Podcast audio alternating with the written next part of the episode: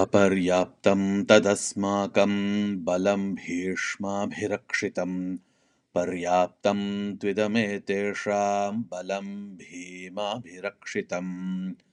अयनेषु च सर्वेषु यथाभागमवस्थिताः।